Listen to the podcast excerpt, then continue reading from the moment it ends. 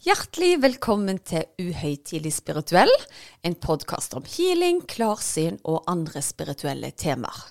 Noen ganger har vi gjester, og noen ganger er det bare meg sammen med min ektefelle Erik.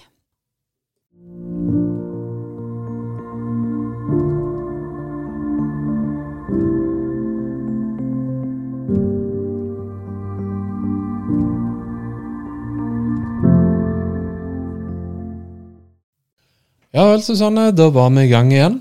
Ja, Føler du deg mer spirituell nå etter forrige episode, eller?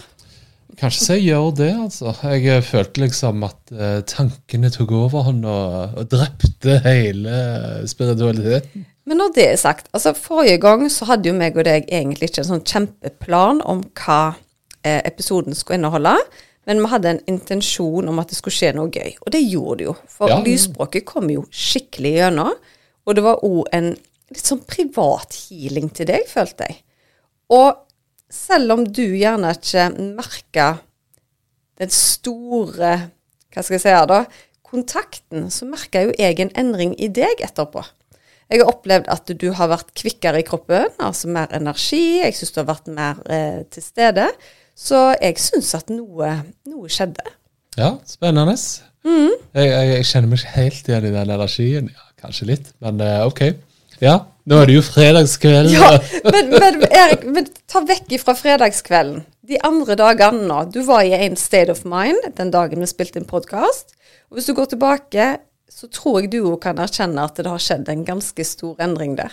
Ja, og det er litt sånn interessant du sier, for det, at, eh, det er sånn jeg opplever litt med det spirituelle òg, og effekt av f.eks. healing. Og vi har jo nevnt det før på poden òg, hvis folk har f.eks. blitt heala av deg, da. Eh, så går de ikke rundt og danser og tenker 'woo, jeg ble heala'. De har nesten glemt at de hadde en plage i utgangspunktet. Og så plutselig sånn Ja, det, ja når du sier det, så stemmer det. Stemmer det, ja. Ja, og, og det, I begynnelsen så ble jeg nesten liksom fornærma over det. at liksom, Skal de ikke på en måte ramme inn at Susanne har hjulpet dem med ryggen eller foten eller det mentale? eller... Men etter hvert så lærte jeg jo det at det er jo bare fantastisk hvis folk bare blir bedre og egentlig ikke tenker over at det har vært en plage i utgangspunktet. da. For etter hvert så kommer det jo som regel fram allikevel hva som har, eh, har skjedd, så jeg syns det er kjempefint. Men det som var så gøy, var at jeg har jo en medlemsportal eh, hvor det var flere av deltakerne som hadde hørt episoden. Og hun ene skriver lysspråket. Ah, ja. Og det syns jeg var gøy.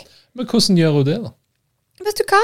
Hun sier bare at akkurat som hendene hennes begynner bare å skrive. Og så er det, hvis du tenker på japanske tegn, da, at de går nedover på en måte. Men det ligger ikke på det heller. Men det, når jeg så det hun hadde på en måte drodla ned, da, for hun viste det i grupper, og var jo veldig ydmyk, altså Jeg vet ikke hva dette her er, men er dette noe dere kjenner igjen? Så kjente jeg at å herlighet, hun skriver det språket jeg eh, Men hvordan var det, altså, Vi har jo sett den derne dokumentaren på Netflix med Tyler Henry. Han Ja. som satt og skribla. Var det noe lignende sånn? eh, Nei, jeg vil si at dette her så ut som, eh, som skrift. Litt mer skrift, ikke liksom Ja, mer, nei, mer tegn. Og så var det akkurat som noe løkker og noe flekker. Du så veldig sånn delikat ut, men det gikk nedover og oppover og nedover. Veldig, veldig kult. Og um, jeg kunne selvfølgelig ikke kjent noen ting når jeg så det. At bare, å ja, ja, hun har tegnet litt på et papir. Men jeg følte virkelig at det her er det ei dame som har, har truffet noe spesielt, da. Ja, En nydelig håndskrift fra det hinsides. altså. Ja, ja, og jeg sjøl har jo aldri prøvd å skrive språk engang, så jeg blir jo nesten litt inspirert. Så kanskje jeg skal, skal prøve det. Ja, For det er jo faktisk et tema vi ikke har dekt her på podden, og det er jo folk som skriver det de får inn. Ja, absolutt. Jeg har jo av og til eh, skrevet noen ord. og Jeg husker en gang en morfar kom gjennom og skrev noe om ei hytte og noen greier gjennom ei venninne. Og jeg sjøl har tasta inn en beskjed fra pappa på telefonen min. Men det er ikke noe jeg driver med til, til det daglige, så det hadde vært gøy å så prøvd å utvikle eh, enda mer, da. Ja, nei, absolutt. Men i den episoden nå så snakket vi om det at jeg var i litt sånn spirituell limbo. Det vil si det at jeg følte gjerne at eh, eh, det ikke var disse her enorme spirituelle opplevelsene. Så det hadde jeg savna litt. Så mitt mål for 2023 var egentlig å ta meg mer tid til min spiritualitet. da. Så i går kveld når jeg la meg, så hører jeg guidene mine si til meg at eh, Susanne, du skal lage selvhelbredelse, guida healing. Og så kjente jeg ja, men den har jo jeg allerede lagd. Altså hvorfor skal jeg lage selvhelbredelse når den allerede er lagd og gitt ut til så mange mennesker? Og så blir jeg sånn at det er min måte å kommunisere med dem på da blir sånn dere må gi meg et tydeligere tegn enn som så. Og så tenkte jeg skal de gi meg bølger i kroppen? Nei. Dere skal gå inn og gi meg en skikkelig sånn eh, spesiell følelse i fingeren, sa jeg mentalt. Skjedde ingenting. Så jeg skal jeg lage en guida healing som heter selvhelbredelse. Og plutselig så går fingeren min helt bananas. Det er akkurat som en fysisk person drar i hele fingeren min. det er kjempefascinerende. Og da fikk jeg bare bekrefta at greit, det skulle jeg. Og da ble jeg bare forklart at det er nesten som med medisiner, da. Har du brukt en medisin over lang periode, så kan du bli litt immune. Fordi det har på en måte gjort sin eh, misjon, da. Medisinen har gjort det han skal, og da må du kanskje over til noe annet som kan fremme noe mer i deg. Så nå er jeg inspirert da, til å lage en ny selvhelbredelseshealing. Han har ikke kommet til meg ennå, så det blir gøy å lage selvhelbredelse modul 2. ja, nei, men ganske interessant du sier, for det at eh, vi snakket jo om energi nettopp, og jeg er jo dødtrøtt i dag. Jeg følte det rommet vårt i natt at det var fest der inne. Eller det føltes som om du er sånn når du ligger våken og naboen har fest. ja. Og du hører folk chatte på cocktailparty. Og... Ja, men det var, det var urolig i natt. Jeg er helt enig. Og jeg har jo hatt episoder tidligere hvor jeg har kjent en sånn spesiell energi i fingeren, men dette her var som om noen tok tak i fingeren min, altså. Og det skjedde flere ganger, for jeg er litt sånn Dere må gjøre det tydeligere, sånn at jeg vet det. Og dette er jo en sånn mental dialog. Så det var, det var spennende. Ja, Nå fikk jeg inn her sånn at eh, jeg syns jeg begynner å bli litt kravstore. Hilsen hjelperen. ja, det kan godt være at jeg er litt kravstore, men, men jeg syns det er veldig gøy når jeg får disse små, om du vil, bekreftelsene. Om det bare er å dra meg i en fing, så kjenner jeg bare Yes, dere er der og vil meg, vil meg vel. ok. Ja. Mm. ja. Nei, men uh, spennende. Angående hjelpere og sånne ting, så er jo det en sentral del i dagens tema, egentlig, som vi skal komme mm. tilbake til. For eh, vi har jo snakket litt om eh, dødsfall som har påvirka oss. Mm. Eh, og vi hadde en eh, liten episode hvor vi snakket litt om eh, hva skjer når du dør. Mm. Eller hva skjer når du dør. Mm. Eh, og altså, det er jo et tema vi aldri kan snakke nok om. For jo mer research du gjør, så er det jo mange meninger. Det er religiøse retninger, det er liksom New Age-retninger. det er folk som har tatt uh, regresjonsterapi og alt dette. Men så kom vi over en uh, kilde som du følte du identifiserte deg litt med. Ja, vet du hva. Hun heter Dolores eh, og er amerikansk. Og hun døde i 2014, tror jeg, i hvert fall litt tilbake i tid. Og har skrevet mange eh, bøker om emnet. Og jeg ble så fanga når jeg så henne første gang på YouTube, fordi hennes verdensbilde, om du vil, da, var så likt sånn som jeg hadde oppfatta det. Og hun betegner mye av de tingene jeg har kjent og følt, men som jeg aldri har sagt høyt, da. Så jeg syns det var veldig gøy å følge henne litt, fordi hun har drevet med regresjonsterapi i veldig mange år. Hun har hatt tusenvis av klienter hvor hun har tatt tilbake til tidligere liv, og òg gjennom selve dødstidspunktet. Og det hun fant ut da, var det at her er det jo et mønster. De forteller jo om de samme tingene. Mm. Så hun fordyper seg mer og mer og mer i dette, og dette har jo blitt mange bøker, og det har blitt over mange, mange år. Eh, så jeg syns det var utrolig spennende å høre hva hun formidler at sine klienter har fortalt gjennom regresjon. da. Ja, men så jeg tenkte i dag så kunne vi egentlig ta litt sånn uh Stegvis, eh, trappetrinnsvis, om du vil. Eh, første steg, ja, hva skjer når du dør? Og så kan vi jo ta det litt sånn dør for dør. Ja, det ja. syns jeg absolutt at vi kan. Så i forhold til eh, litt sånn Dolores, da, eh, Cannon, som det da heter, ja. eh, hva skjer egentlig i det sekundet du dør? Altså Ifølge henne, da, det hun, det hun spesifiserer som er veldig tydelig på, at dette her er på tvers av alle religioner. Hun har tatt folk tilbake i regresjon i om du er kristen, om du er muslim, om du er ateist, hva som helst, så forteller de mye det samme. Og det hun sier da, er at det er et skille, fordi idet du dør De aller, aller fleste, hun sier nesten alle, er veldig overraska over å se den døde kroppen sin. Og litt sånn Å, herregud, så stygg jeg så ut. Den der kroppen skal jeg ikke tilbake i, i hvert fall. Det er sant. Det er det aller første. Eh, og så beskriver de det som om at de nærmest går ifra en stol til en annen stol. Det skjer veldig kjapt. Og så ser de seg sjøl, observerer seg sjøl som død, gjerne med familiemedlemmer rundt. Ja. Og det de videre rapporterer, er at det er et lys, eller en tunnel. ja det, det berømte s- lyset som alle eh, Ja. Og i en nær døden-opplevelse så kan du gjerne gå imot dette lyset, men bli stoppa av en gammel slektning eller en guide som gir deg tilbud om Hei, hei, er du sikker på at du er klar for dette her? Du kan gå tilbake. Og det er det mange som gjør. At det er litt sånn OK, det var ikke tiden min helt ennå, jeg eh, må tilbake. Ja, og det er litt sånn interessant du sier det med en uh, gammel slektning eller et eller annet. For sånn så jeg forsto det òg når jeg eh, kom over denne kilden, og det var jo at du er aldri alene i en sånn setting. Nei, aldri. Og hun sier at det er så mange med dødsangst som er redde for at eh, jeg, kommer til å være alene når jeg dør.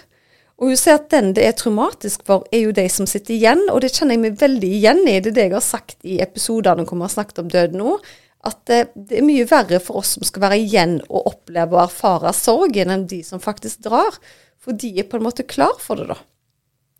Eh, og da blir du altså møtt idet du passerer det lyset, sier hun da. Så er det ingen vei tilbake. Ingen vei fysisk tilbake. Har du gått igjennom den tunnelen og inn i kjærlighetskraften, Gud om du vil, så er du på en måte ferdig med kroppen din. Ja, Da er på en måte garnnøstet mellom sjel og kropp den er klippet av. Ja, det er da klippet av. Da er det ingen vei tilbake. Men hun har aldri opplevd at noen sier noe annet enn at her er det kun kjærlighet. Og du blir møtt, den første som møter deg, er din guide, som har vært med deg alltid. Alle mennesker har en veileder eller en guide som skal hjelpe dem gjennom livet. Og òg gjerne flere guider, fordi du har forskjellige oppgaver. Og så er det òg avdøde slektninger. Ja. Og de står klar til å ta imot deg. Og hun sier at veldig mange som ligger på dødsleiet Nå snakker vi ikke om ulykker og sånn, men familien opplever gjerne at gamle folk f.eks. begynner å snakke med sine avdøde slektninger rett før de dør. Litt sånn 'Halloen, kjære. Å, der var du. Jeg har savna deg.' Og, og sånn. Og da hevder gjerne leger at det er medisinene eller det er hodet som ikke får nok oksygen, eller sånn. Men hun mener da at dette her er helt reelt. Du møter faktisk eh, slektningene dine. Ja. Ja, og så kommer vi jo inn på en ting som du har vært eh, ganske Som du har i hvert fall nevnt for meg tidligere. Det er jo liksom dette her definisjonen, eller eh, bildet om helvete, da, f.eks. Ja. Det mener jo du gjerne er jorden. Og så kommer du til himmelen, som da er dette stedet. Og hun mener jo da at eh, helvete, om du vil, at det er skapt av religion. Det fins ikke. Det er Er det et helvete, så er det her på jord. For vi skal virkelig erfare. Vi skal lære, vi skal få ulike oppvåkninger. Og det er ikke lett å være menneske i det hele tatt.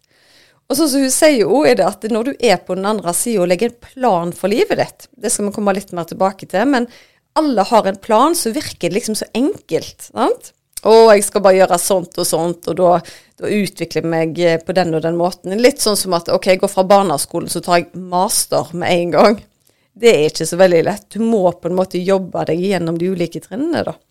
Og det forklarer hun eh, veldig dyptgående. Så det, jeg syns det er utrolig, utrolig spennende. Ja, for hun er jo opptatt av at livet er en skole. Og at alt på en måte er et spill. Så jeg fikk jo litt assosiasjoner her til at det er litt Matrix. Og litt Harry Potter. Ja, fordi at hun mener jo at vi har livskontrakter med ulike exit-planer òg. Litt sånn OK, hvis du velger den exit-planen, da lærer du gjerne det, og da får de rundt deg erfare det. Du kan velge å gjøre det på denne måten, da går du gjerne et skritt videre. Så det er utrolig, utrolig spennende, altså.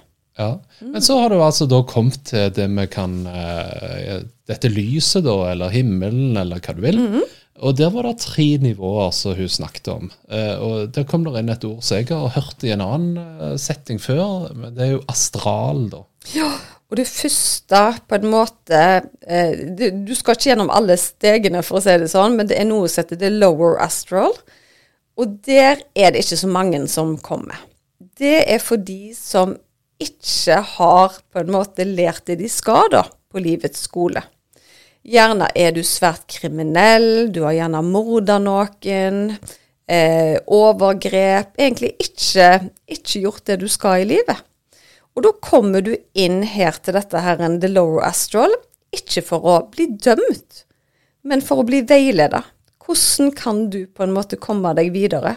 For nå har du gått gjennom livet i den og den og den formen. Det har ikke fungert. Vi trenger på en måte å veilede deg på en annen måte, sånn at, for vi vil veldig gjerne at du skal få dette til, da. Um, og som du sa, at de som kommer til dette nivået her, er ofte de som ikke forstår at de er døde. De ønsker å gå tilbake til kroppen sin, og det er det veldig få som dør, som ønsker. Og det er rett og slett fordi de forstår ikke den gode følelsen. For de har levd så mye gjerne i negativitet og hat. da. Mm -hmm. Men de aller fleste kommer seg gjennom det. De må bare gjøre det mange nok ganger. Men det er jo selvfølgelig kjedelig å måtte begynne på nytt igjen.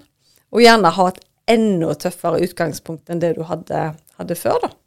Men de får masse kjærlighet der òg. De blir møtt med respekt. Og så får de da opplæring og kurs for å komme seg videre, rett og slett. For de vil at du skal lykkes.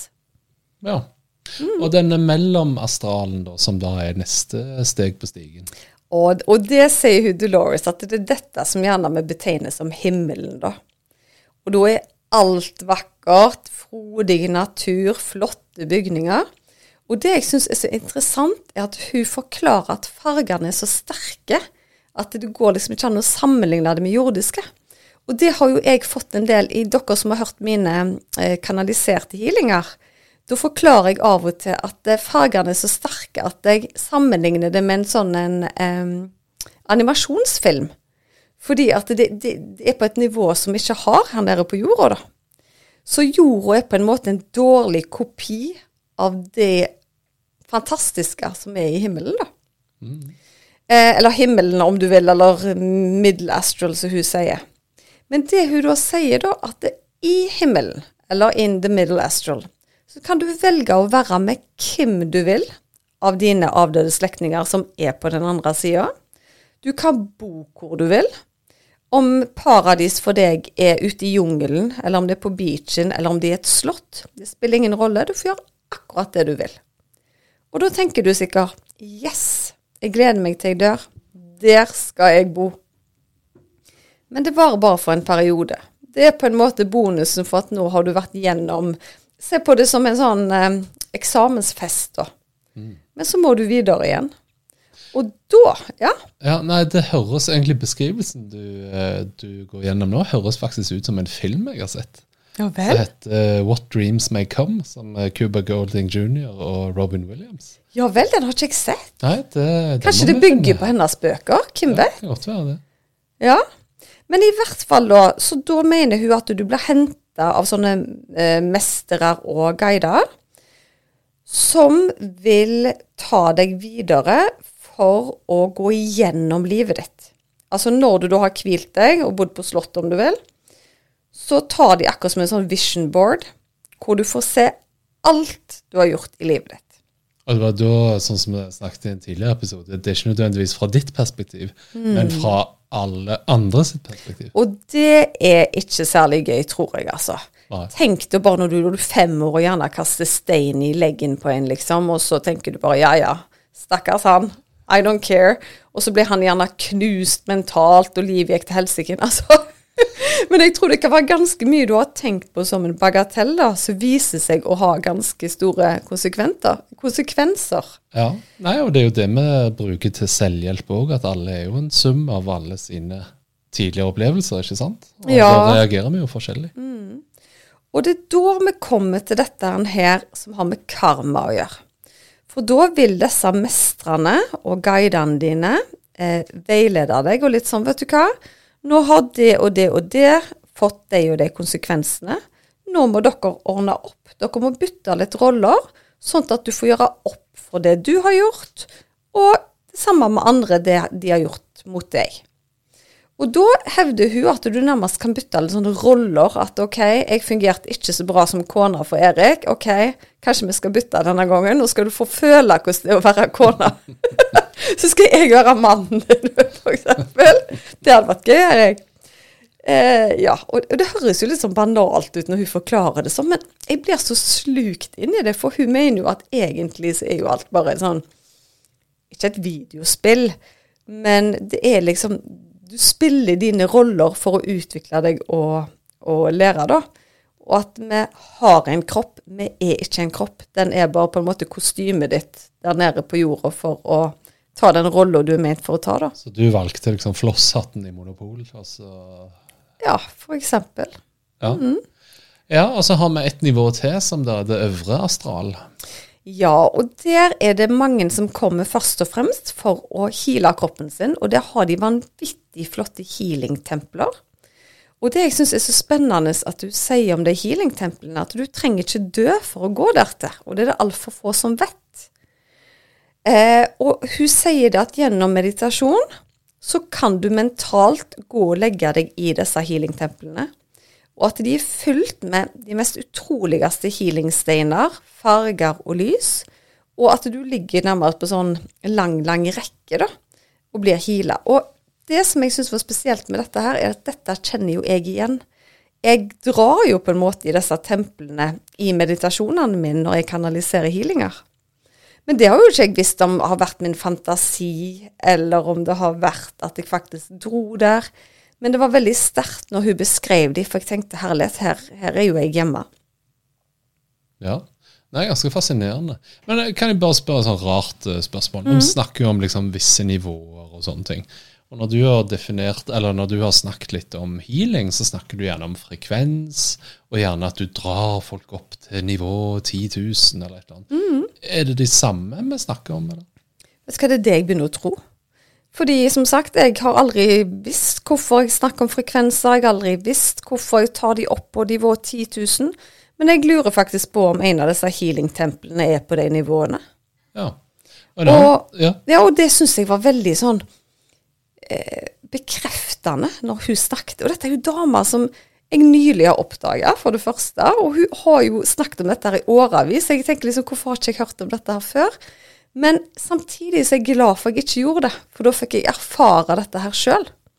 Så du bruker henne som bekreftelse på dine egne erfaringer, rett og slett? Ja, jeg gjør det. Og jeg sier ikke det at jeg har opplevd alt hun beskriver. Langt ifra. Men jeg kjenner meg igjen i noe av det. Og det syns jeg er veldig fascinerende. Stilig. Uh, jeg syns jo det var litt interessant når vi så dette her, at uh, uh, hun mente da at hver natt så går du på en måte ut av kroppen din og har det Og besøker på en måte astralreiser, da, for å si det sånn. Mhm. Og nå snakker vi jo om tre nivåer på astral. da. Så i teorien, hvis du trekker litt rare konklusjoner, så kan du jo si at du besøke et av disse trappetrinnene for da å søke mer informasjon om livet her nede? Ja, og hun mener jo at, at gjennom disse regresjonene er jo én måte å på en måte reise ut på disse reisene på. Og hun får jo kanalisert bøkene sine gjennom klientene sine som er i disse bibliotekene, om du vil. For det er ikke bare healingtempler som er der. Det er òg store sånne visdomssenter eller biblioteker hvor all informasjon som har eksistert og vil eksistere, er tilgjengelig. Så det er der Musk har fått ideen sin? Ja, mest sannsynlig er det det, altså. Og som du sa, du kan tilegne deg kunnskap på den måten du er komfortabel med. Er du en som plukker opp energi, så kan du gå inn i et rom hvor du bare suger til deg kunnskapen. Er du en som liker å lese, så kan du gjøre det. Vil du lytte til gamle LP-plater, så kan du det. Det tar jo mye lengre tid. Men det var det som hun syntes var så fascinerende i regresjonsterapiene, at hun gjorde dette med tusenvis. Og alle hadde tilgang til den samme informasjonen. Hun kunne bare be de på en måte hente det til henne. Ja. Utrolig spennende, altså. Men så var det jo da selvfølgelig en X-faktor. Og det er hvorfor husker vi ikke alt dette her?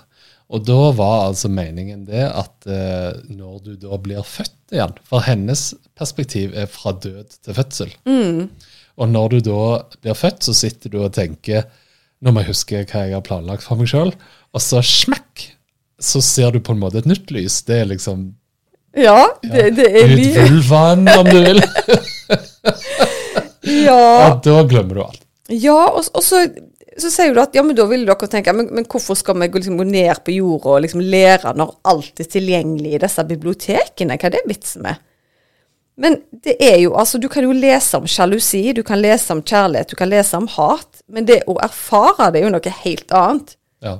Har du aldri opplevd det å være forelska, så kan du lese om det og tenke bare 'Å ja, det hørtes fint ut', men når du kjenner det sjøl, så er jo det en litt annen følelse, f.eks. Ja. ja, nei, det er sant, det. Så det er tydeligvis et eh, stort spill. Ja, og så sier jo òg det at eh, grunnen til at babyene eh, sover så mye, du må jo lære alt på nytt, og at eh, babyer eller barn mellom null til to år drar veldig mye tilbake. For de trenger mer veiledning. Nå har du begynt på nytt igjen, nå må du huske på det, og du må huske på det, og minne de på at du valgte faktisk dette sjøl. For mange er sånn 'Å, herlighet, hvorfor valgte jeg de foreldrene? De var grusomme, voldelige gjerne.' Vi skal ikke, vi skal ikke le av det, det er jo grusomt. Men da har du valgt det at nå skal jeg lære noe i dette livet, hevder hun, gjennom alle disse regresjonene. da. Ja. Og den er jo litt hard å svelge når det er så mye elendighet ute i verden. Så skal vi liksom OK, vi har valgt det sjøl, men det er det de forteller, da. Ja, nei, det er vanskelig å forstå. Uh, en annen ting som jeg syns er veldig vanskelig å forstå, da, det er jo at ok, la oss nå da si at uh, verden er én etasje. Og så det vi har snakket om nå, da, det er på en måte at over det så ligger der himmelen med tre etasjer, tydeligvis. Men why? Og det Der klarer ikke jeg helt å liksom Hvorfor Hvorfor det? Hvorfor er vi her? Men det er jo kanskje mer filosofi enn spiritualitet. Det, det er nok mer filosofien, Erik. Og jeg tror nok det, altså, Dette er jo i damene som har fått tilgang til enorm kunnskap, men jeg tror ikke vi utvikler nok her nede til å skal kunne forstå det hele, hele bildet der, altså. Det er litt sånn why? Hvorfor spiller vi ludo? Altså, hva er hensikten bak det? Ja, nei, det er sant. Altså, det er underholdende. Vi vil vinne, vi skal utfordre hverandre. Det er jo egentlig et gørrende kjedelig spill, men alle har det på hytta, liksom. Ja. Men det jeg syns var ganske interessant, var La oss nå da si da at eh, du nevnte dette her med at hun mener at uh, du har valgt det sjøl.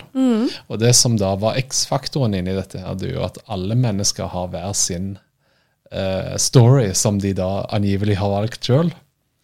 Og så knyttes dette inn i hverandre og påvirkes av hverandre, og så blir alt et stort mosaikk til slutt. da. Ja, og det var jo det hun sa da. Hun lo godt når hun sa det. Hun er jo så koselig, en sånn eldre dame. Dere må inn og sjekke henne på YouTube hvis dere ikke har gjort det. Og det hun sier da, er jo litt sånn Ja, si da, så har du denne geniale planen din. Nå skal jeg og Erik, vi skal få det til med den og den, og vi skal bli bedre kjent med den, og vi kommer til å eh, utvikle oss på alle nivåene. Problemet er at alle har fri vilje, og alle har sin egen plan. Så når du kommer der, så er du liksom fra scratch allikevel. Så det er aldri så enkelt som det du tror, da.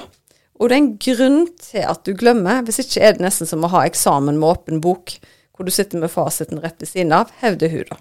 Ja. Og det har vi vel alle erfart.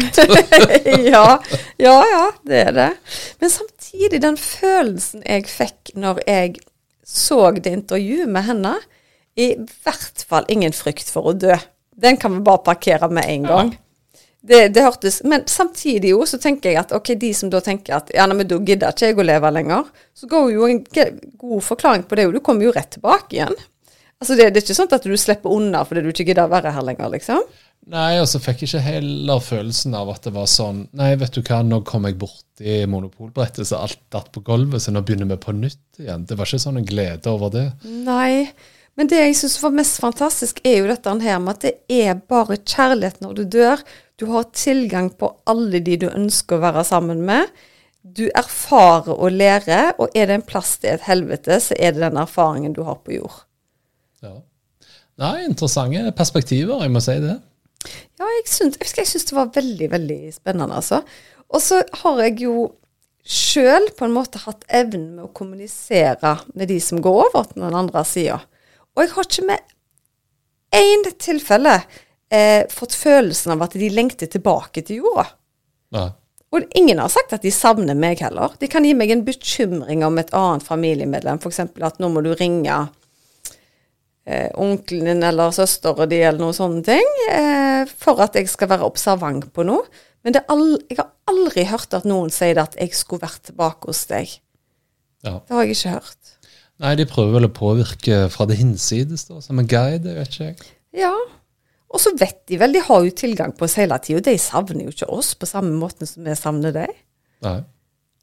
Nei, godt poeng. Så jeg syns det er en veldig fin ting å tenke på. Men når det er sagt, jeg er sjøl oppe i sorg for tida, og det er kjempevanskelig.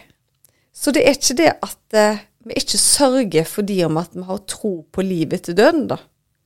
Ja, for det er jo et veldig godt poeng da, med den eh, postulatet om at du kan lese om sorg, men du kan ikke Altså, du må jo oppleve det. Og jeg syns jo uansett med dette Hvis du skulle akseptert det vi har snakket om nå som den absolutte sannhet Uansett om du mister en kjær venn eller familie, eller altså, opplever sorg på noen måte, da, så vil det jo stikke. Det er jo ikke sånn at 'Å, ja, men du Vi treffes jo igjen, du'. Nei, langt ifra. Og jeg har vært knust nå, for jeg har mista tanten min, som jeg er så uendelig glad i. Men det gir meg en trøst, da. Eh, og nå er det ikke sånn at jeg har liksom gått på nettet og googla liksom, for oss å finne trøst, men jeg har funnet en ro med, fordi jeg, jeg kjenner jo at energien bare tar en annen form, da. Så for meg så er det veldig viktig. Det gjør at jeg føler meg ivaretatt av de som har gått bort. Jeg føler de stikker innom og passer på meg. Og jeg føler at de holder meg i hånda fremdeles, da. Ja. Så for meg i hvert fall så er det en, eh, en trøst oppi det. Og så tenker jeg oppsummert at eh, du kan velge å la dette være din trøst, eller eh, velge å ta deler av det som din sannhet, eller ikke. Men dette var i hvert fall noen perspektiver som eh, du kjente deg litt igjen i. Mm, absolutt. Og dette er damer som snakker mye om temaer som jeg trodde jeg var den første på denne jord som snakket om. Så det skal bli gøy å fordype meg enda mer i det hun opplever og det hun står for. Fordi hun har jo så mye referanser, og det er jo det jeg syns er spennende. Dette er jo ikke noe hun på en måte Og jeg drømte en natt at jeg var i himmelen og, eller hadde en nær døden-opplevelse. Dette er jo mange tusen som hun har dokumentert som forteller om de samme opplevelsene, og det er det jeg syns er veldig gøy. Ja, det er veldig spennende. Ja, men Det skal bli kjekt å dra opp uh, hennes tema av hatten. Uh, Ja, det skal det. Kanskje litt sånn Dolores-fan jeg er blitt nå, altså. Ja, Ja. det er veldig kult. Uh, jeg tenker at nå har jo januar starta litt med dødstema. Mhm. Så nå uh, framover burde vi kanskje finne en litt annen retning som er litt mer lystigere. Så det blir spennende. Vi skal finne så mange lystige spirituelle temaer. Og målet mitt med deg i 2023 er jo at du skal få oppleve enda mer på det spirituelle. Ja. Så det skal bli utrolig gøy å se om at vi klarer å få deg ut av dette her en analytiske skallet litt. Men jeg Ja. syns du har blitt mye bedre. Det har du. Ja, men veldig kjekt. Mm. Ja, Som alltid så håper vi at uh, streken i sanden for deg som hører på, har blitt, uh, blitt skjøvet litt uh, lenger vekk enn det han var før. Mm. Og at du har lært noe.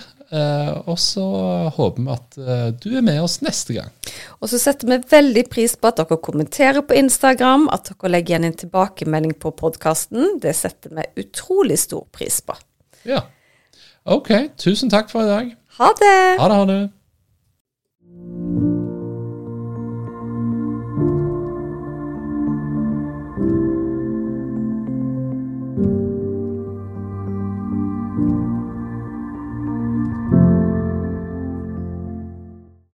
Visste du at du kunne ta kontakt med meg hvis du ønsker å få satt opp en personlig healingplan? Da er det bare å kontakte meg via Instagram eller på e-post, så gjør jeg det helt kostnadsfritt. Da er det mye lettere å vite hvilken healing du skal velge, til hva tid du skal bruke den, og for hvor mange uker du bør benytte deg av deg. Gå inn på healersusanne.com.